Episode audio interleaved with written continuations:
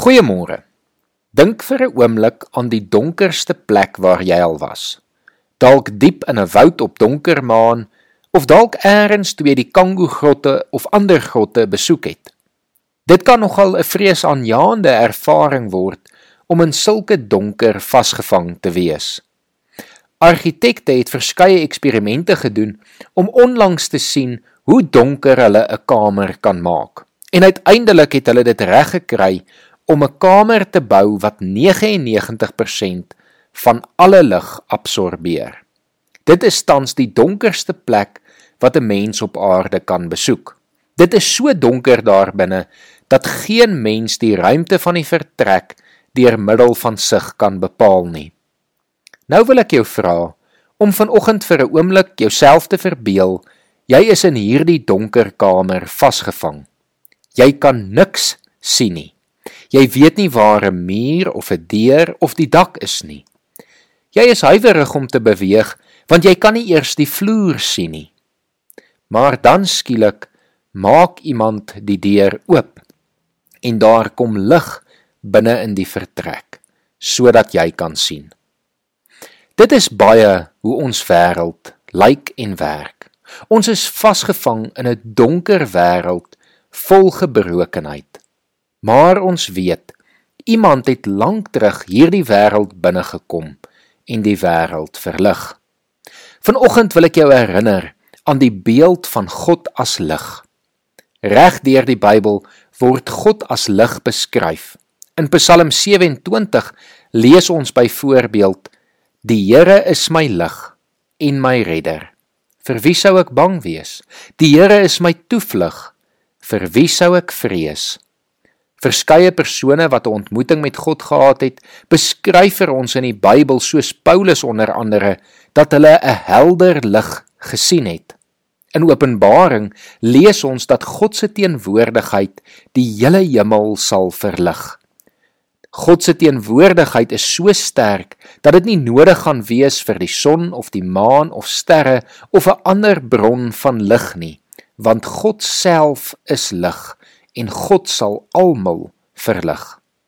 In Johannes 1 word God as lig vir my die mooiste beskryf, want dit vertel vir ons hoe God as lig in hierdie donker wêreld binne gekom het om die wêreld en elke mens se lewe te verlig. Ek lees vanoggend vir ons Johannes 1 vanaf vers 1 tot en met 12 voor. In die begin was die woord daar en die woord was by God en die woord was self God. Hy was reeds in die begin by God. Alles het deur hom tot stand gekom. Ja, nie 'n enkele ding wat bestaan het sonder hom tot stand gekom nie. In hom was daar lewe en die lewe was die lig vir die mense. Die lig skyn in die duisternis. Die duisternis kon dit nie uitdoof nie. Daar was 'n man wat deur God gestuur is. Sy naam was Johannes. Hy het gekom om te getuig. Hy moes getuig van die lig sodat almal deur hom tot geloof kon kom. Hy was self nie die lig nie, maar hy moes van die lig getuig. Die ware lig wat elke mens verlig, was aan die kom na die wêreld toe. Hy was in hierdie wêreld, die wêreld wat deur hom tot stand gekom het, en tog het die wêreld hom nie erken nie. Hy het na sy eiendom toe gekom en tog het sy eie mense hom nie aangeneem nie. Maar aan almal wat hom aangeneem het, die wat in hom glo, het hy die reg gegee om kinders van God te word. Die duisternis kan nie God se kinders se lig wat ons ontvang het uitdoof nie. Jesus wat jou lewe verlig, kan nie deur die donker oorwin word nie. Dit kan nie deur die donker vasgehou word nie. En daarom maak dit nie saak hoe donker dit begin voel of lyk in hierdie wêreld waarin ons tans leef nie. Ons moet altyd onthou dat Jesus as lig reeds die donker oorwin het.